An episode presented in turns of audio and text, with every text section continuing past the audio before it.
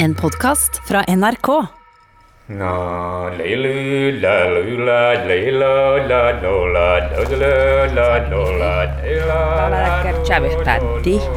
Mä ei kievahtit nu att Den der knitrende kulden og lyset, folka og at det snakkes samisk overalt rundt meg, det syns jeg er så fint. Og Det er så viktig i Norge å bli minnet på det. Velkommen eh, til Arktis og til Karasjok, hvor museum besøker de samiske samlinger.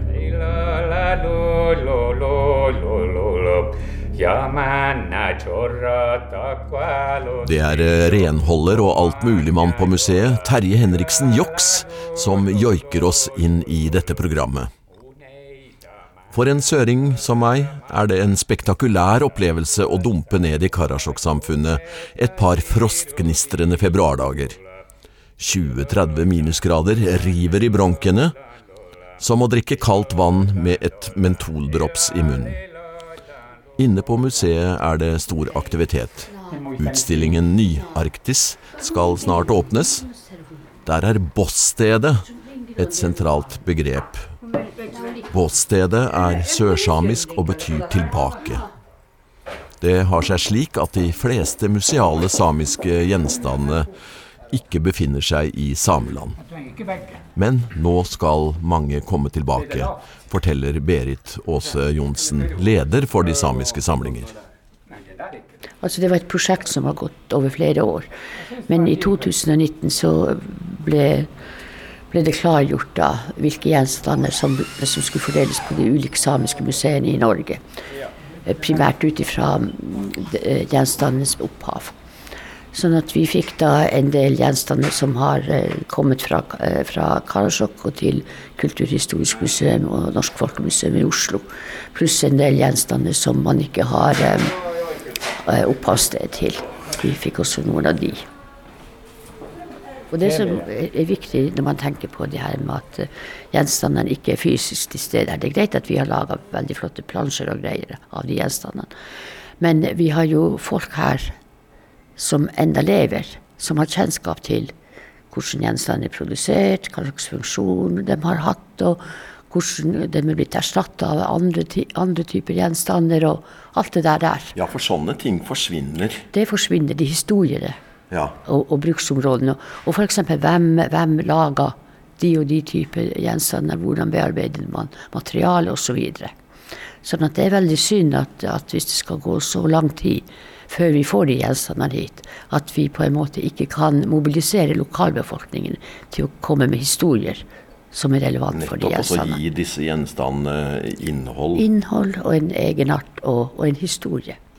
Berit eh, Aase Johnsen og flere andre har altså forhandlet om over 4000 samiske gjenstander gjennom mange år.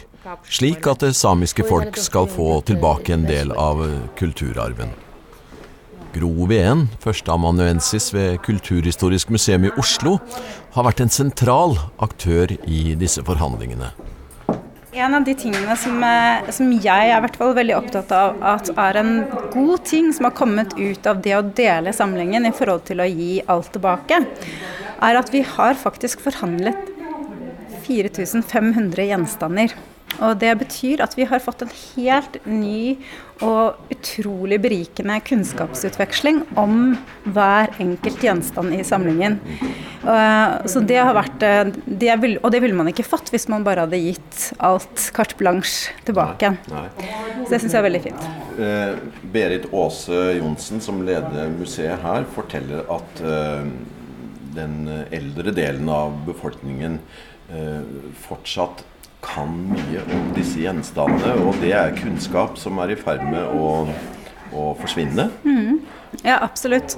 Og det handler jo om måte, ting som ofte tilhører eh, tidligere praksiser, altså praktisk hverdagsaktivitet som ikke lenger foregår på samme måte fordi det er ny teknologi. Men så er det også veldig mange ting som, som fremdeles praktiseres, og som har blitt revitalisert, som f.eks. Kofte, koftesøm.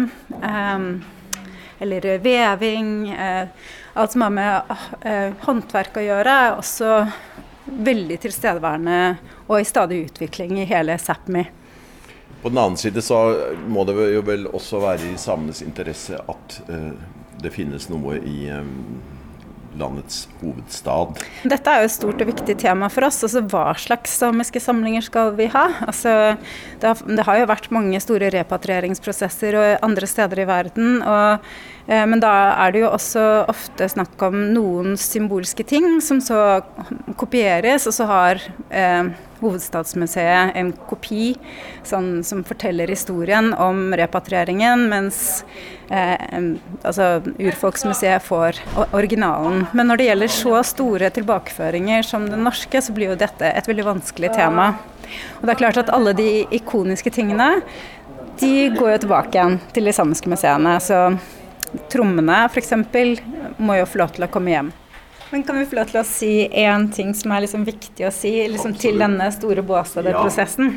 Og det er man har skrevet over eiendomsretten til 2000 gjenstander til seks samiske museer i fjor, som er et resultat av denne Båstad-prosessen. Det er en stor og viktig eh, seier for Sápmi og for den norske forsoningsprosessen. Mm. Eh, her er det et bitte lite problem. Og det er at for at disse gjenstandene faktisk skal komme tilbake igjen til Sápmi, så må samiske museer få bedre eh, magasiner. Og det eh, har vi så langt ikke lykkes å få regjeringen til å levere på. Så for at denne repatrieringen faktisk skal bli reell, så må vi jo få lov til å oppfordre kulturministeren til å komme penger. ja, for foreløpig henger det som plansjer på en vegg. Fint nok det, men uh, det er jo gjenstandene som er ja. gullet her. Og det er jo det som er poenget med museer, at det er gjenstander som vi setter. Inke mai lenyo chapa ke yoko, inke mai lenyo ropmi ke yoko, Museum er eh, på de samiske samlinger i Karasjok. Et av de samiske museene som eh, skal få tilbakeført gjenstander, som i dag befinner seg på Kulturhistorisk museum og på Norsk Folkemuseum i Oslo. Inntil videre blir gjenstandene værende i Oslo fordi de samiske museene ikke har konserveringsforhold som kreves for å ta vare på skattene. Gro Veen nevnte nettopp trommer. Nå skal vi ta en avstikker med konservator Jelena Porsanger til en tromme. Den er bare på utlån, den også, fra København. Hvor gamle er de eldste funnene sånn fra samisk område? Her på museet? Ja. På dette her museet har vi egentlig en kulturskatt som er over 400 år gammel. Og det er en gammel tromme som tilhørte en uh, samisk uh, noaidi i sin tid, på 1600-tallet. Hva er det naidi? Naidi er en sånn uh, ekspert i det å ta kontakt med det usynlige og Shaman, reise. som ja, vi sier? Ja, ja. Så, så, vi bruker ikke sjaman-ordet. Så, så, det passer ikke til uh, vår samisk forståelse av vår uh, religion som var. Ja. Men ja, så han ble henretta, da på eh, slutten av 1600-tallet, og tromma ble sendt til København. Og så eh, Da dette her museet, vårt museum ble etablert, eh, og i 1972 så begynte museet å arbeide for å få noen sånn eldre gjenstander som kunne eh, fortelle om åndelighet, om religion. Ja. Og så vi visste at det var den trommen var på Det nasjonale museet i København. Og så ble, fikk vi, eller museet fikk det på utlån. Det er på slutten av 70-tallet. Og vi har forlenget og forlenget. Og vi egentlig mener at denne kulturskatten tilhører det samiske folk, og ikke et museum i København. Og så nå er vi i en eh, dialog med, med, museet om det. Ja. Har dere den her nå? eller? Vi har den nå. Det er, så den er i kjelleren og, og i et sånn spesielt klimamonter. Så er så all temperaturen og Ja. fuktighet er regulert.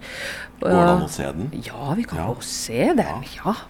Men du, det, det er jo litt pussig. København, da. Det forteller jo litt om norgeshistorien. Ja, så- ja, at, at, vi, at vi var under under Danmark. Og senere så har eh, mye av de samiske eh, gjenstandene havna i. Oslo, i storsamfunnet. Ja. Og det er mange samiske trommer som befinner seg i Paris, i Roma, i Italia, i Berlin, i Tyskland. Altså, det Og dere må slåss for å få den ene. Vi må det fordi nå per dags dato eh, har vi ikke samiske trommer på de samiske museene. Så gjennom Båsede-prosjektet kommer det en tromme til eh, et sørsamisk museum Sami Site, og et lulesamisk tromme til Arran i Tysfjord. Så vi er fremdeles der. Hvor våre kulturskatter befinner seg et annet sted, og ikke hos oss. Men eh, det, Ny-Arktis er, er vel et ledd i at det kommer nye tider. Ja, og vi, vi Her- er optimistiske. Her under et pledd i en hvit Det ser ut som et, eh, en fryseboks for reinsdyr. Ja, da åpner vi den sakte. Så jeg pleier, jeg pleier å, å, å gi beskjed til den at uh, vi kommer. Ja. Fordi, så vi har en forståelse av det, det åndelige. uh, at, uh, så det er ikke noe sånn Det er ikke noen ting. Så det er noe som har, som har sin kraft. Det er mer enn en ting. Ja, det er mye mer enn det. Oh. Nå skjedde avdukninga, og her ligger den Oi, det var flott. Kan du bare beskrive den for oss? Ja, den er ganske kjent. På, I overflaten er det symboler som er plassert på sånn fem uh, På en måte sånne uh, segmenter Ja. uh, oppover hverandre. Og, og alle de symbolene har sin mening og, og, og forteller om noe. Og på alle samiske trommer, de som lager de symbolene, det er de som kjente til hva det betydde for dem og for deres samfunn. Og nå for tida uh, vet vi ganske mye om det som uh, Eh, en eh, kjent eh, forsker, Ernst Manker, som har forska på, på de samiske trommene, eh, har skrevet om så hva de betyr, forskjellige symboler, forskjellige tegninger. Men eh, det er ganske lite vi vet eh, som eh, de som eide disse trommene, fortalte. Så det er For det meste er det tolkninger. Men om denne tromma finnes det en fortelling. Så det er eh, en eh, Så da han eieren, Anders Paulsen, ble dømt, så det ble eh, sånn, Under rettsbehandlingen så var det fulgt en sånn rettsprotokoll. Og da ble alt skrevet ned, som han sa. Men man kan jo også tenke det at han visste at han vil skulle sannsynligvis bli dømt til døden. Så da fortalte han ganske mye om det, som at de symbolene var ikke så farlige. Og det var så mye som var knytta til kirka og til eh, den kristne religionen. Og, så, og, og han ønska aldri, og han har aldri gjort noe som uh, skada noen. Så han prøvde å snakke seg til en slags frikjennelse ja, men, ved så- å pynte litt på ja, historien. dessverre gikk det eh, ikke, men han var en gammel mann da. Ja. Ganske gammel da. Og den, det er en sånn eh, en pinne i Er det i bein, eller er det i tre, den som eh, han har brukt til å slå med? Det er i bein, Det er i bein, ja. ja. Og så Det er er et det reinsdyrhorn, selvfølgelig, det, da. Ja, det, det er det. Mm. Og det er en sånn hammer som man brukte for å slå på tromma. Og så ligger det en slag Er det en brosje, eller hva det er for noe? Nei, det er en sånn uh, ting uh, vanligvis laga av messing. Som man plasserte på overflaten, og da man begynte å slå, Ja, ble- så begynte den, den å bevege seg rundt på, på overflaten, og, så fra en symbol til en annen. Å, Og fortelle. Og så den som, eh, som, som uh, de, gjorde så hadde en oversikt over bevegelsene, og så kunne fortelle hva som har skjedd, eller hva som kommer til å skje. Akkurat. Eller hvor man finner ting som Så ble stjålet, eller Så forsvunnet. dens vandring oppå trommeskinnet var avgjørende for uh, Ja. hva som uh, Ja, stemmer Og tolkningen der. Stemmer det. det, var, det var fint at jeg fikk lov til å komme ned og se på det. Det var fantastisk. Så vi, vi kan ikke ha denne trommen eh, stående hele tida, så vi tar det i, når det er det sånn spesielle anledninger. Men så var det unge, så 16-17 åringer. Og så spurte jeg dem hva de syntes om eh, at eh, den originale trommen egentlig hører, hører til uh, et dansk museum. Så sa de nei, men det hører jo ingen selv, så det må vi gjøre noe med. Fordi vi syns at det er vårt. Det er en del av vår kulturarv. Så Arbeidet med å ta vare på den samiske kulturarven kom sent i gang.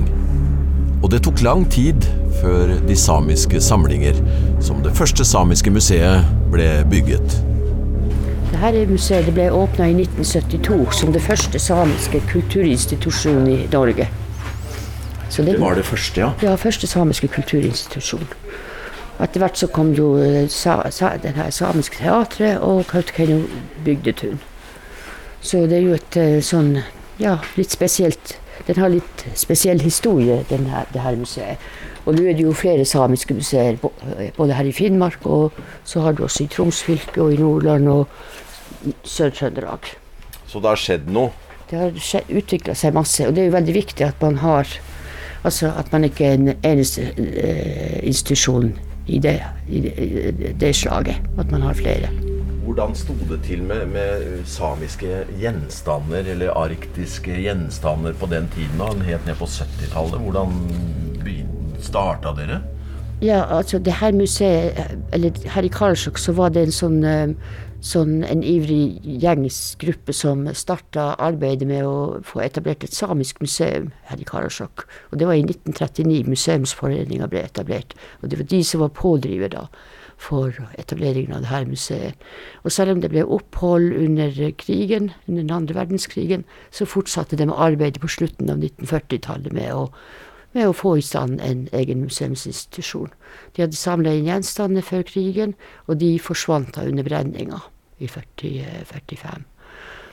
Og, men eh, de klarte å rekonstruere de her listene over hva, lage lister over det som var forsvunnet og brent, og fikk eh, sånne sånn her krigsskadeerstatningsmidler til å eh, rekonstruere den samlinga. Så den samiske kulturarven i museal eh, forstand, det kom egentlig sent i gang. Ja, det kan du jo si. Det, det, samiske gjenstander har jo vært eh, populære blant museene i Europa og i Skandinavia og Norden for øvrig. Allerede på, i på 1800-tallet. Og da var det jo oppkjøpere som reiste de, i de samiske bygdene. Og, og eh, enten fikk de gjenstander, eller så betalte de litt for de gjenstandene. Og de er jo spredt rundt omkring i Europa nå, på forskjellige museer. Har dere fått noe tilbake?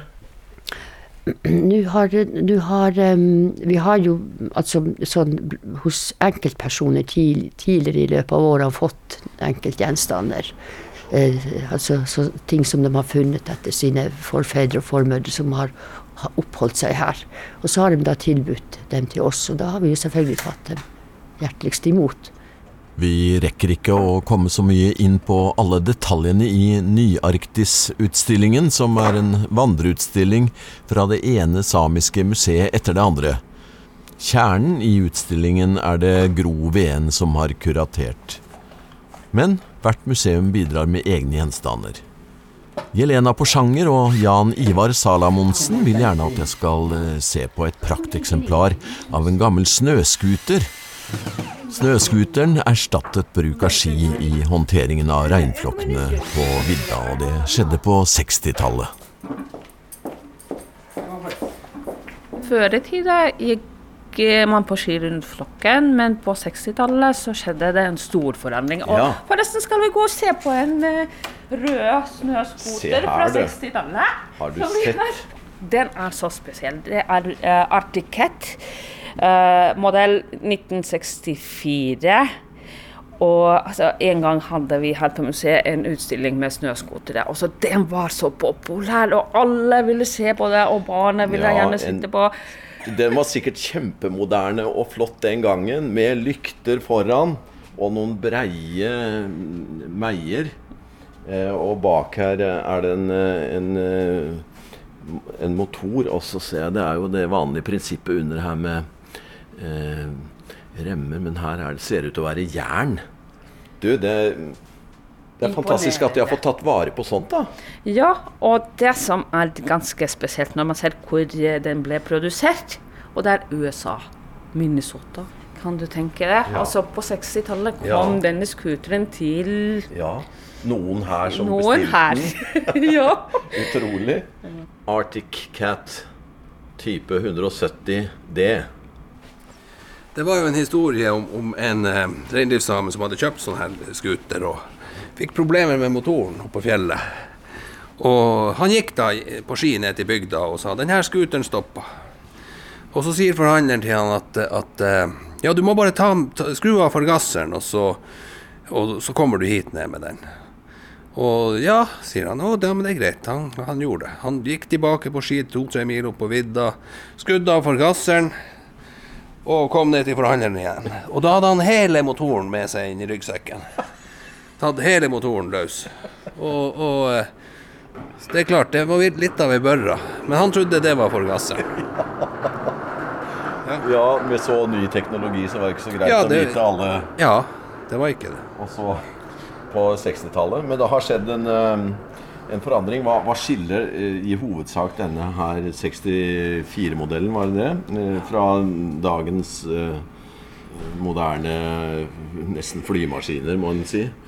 Dagens eh, scooter har, skut, har motoren foran. Den her har jo motoren bak. Og så er det jo jernbelter. Ja, jernbelte under her, ja. Antall hestekrefter har jo økt betraktelig. Ja. Den her har kanskje 12 hestekrefter. 10-12, og dagens scooter har eh, opptil 180. Ja, Hvor fort gikk den her, ja? Det gikk sikkert i 50-60. Kanskje. Såpass, ja. Det tror jeg. 40, kanskje. Og hvor fort kan en moderne snøscooter egentlig kjøre? 200. Det tror jeg er farta. Da vil ikke jeg ha vært med, i hvert fall. Jo da, det er artig. Vere musko tveiki jon leio. Kauppa da jo omana da lula. Hulu lula li lula li lula. Terje Henriksen Joks. Joks betyr bue, for øvrig. Han er same og har joiket i dette programmet. Hvordan er det å bo i Karasjok i Arktis? Nå er det ikke mye mer enn minus 20, men eh, er er det kaldt for dere? Er det Vi er vant med kulde, altså. 20 minus er ikke mye for oss. Vi har, men det, altså kuldeperioder hadde vi nå like før jul. Da var vi nede i 36. Og, men det har ikke vært sånn ekstrem kulde. Vidda er jo eh, ofte litt eh, flat, og, men, men her er det liksom litt kupert. Det er kupert, og hvis vi skal kalle det for fjell, det er vel 500-600 meter hvis vi ser Drakterelva. Det er 500-600 meter. og Bygda her også med innbygger med 2007-2008 innbyggere. Altså. Men det er ganske veldig flott, flott natur. Her er, vi har furu, vi har bjørk og vi har, vi har vidde også når du kommer opp på fjellet der. Så. Ja, bruker du noe av naturressursene her? Henter du noe? Jeg bruker naturressurser litt, men jeg bruker på på en annen kommune der kona mi kommer fra, Nesseby Onjarga. Der, der plukker vi bær. Det meste av bær.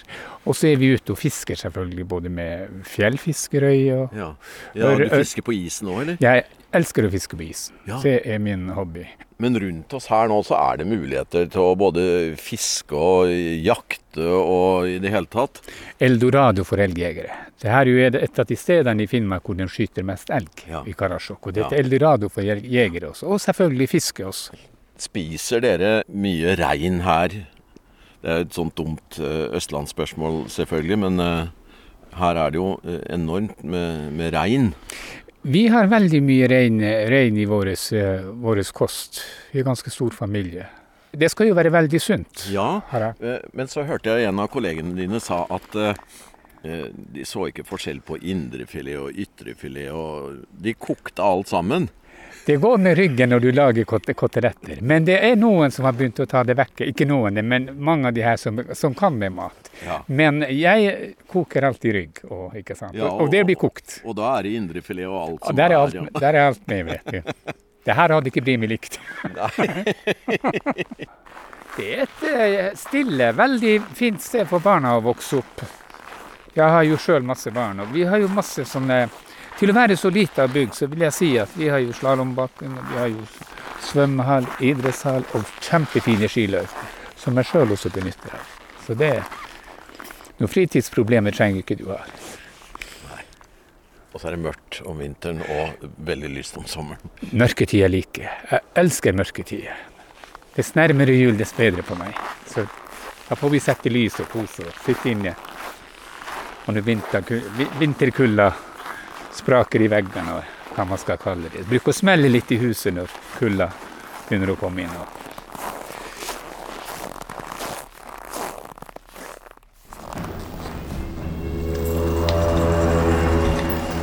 Du har hørt en podkast fra NRK P2.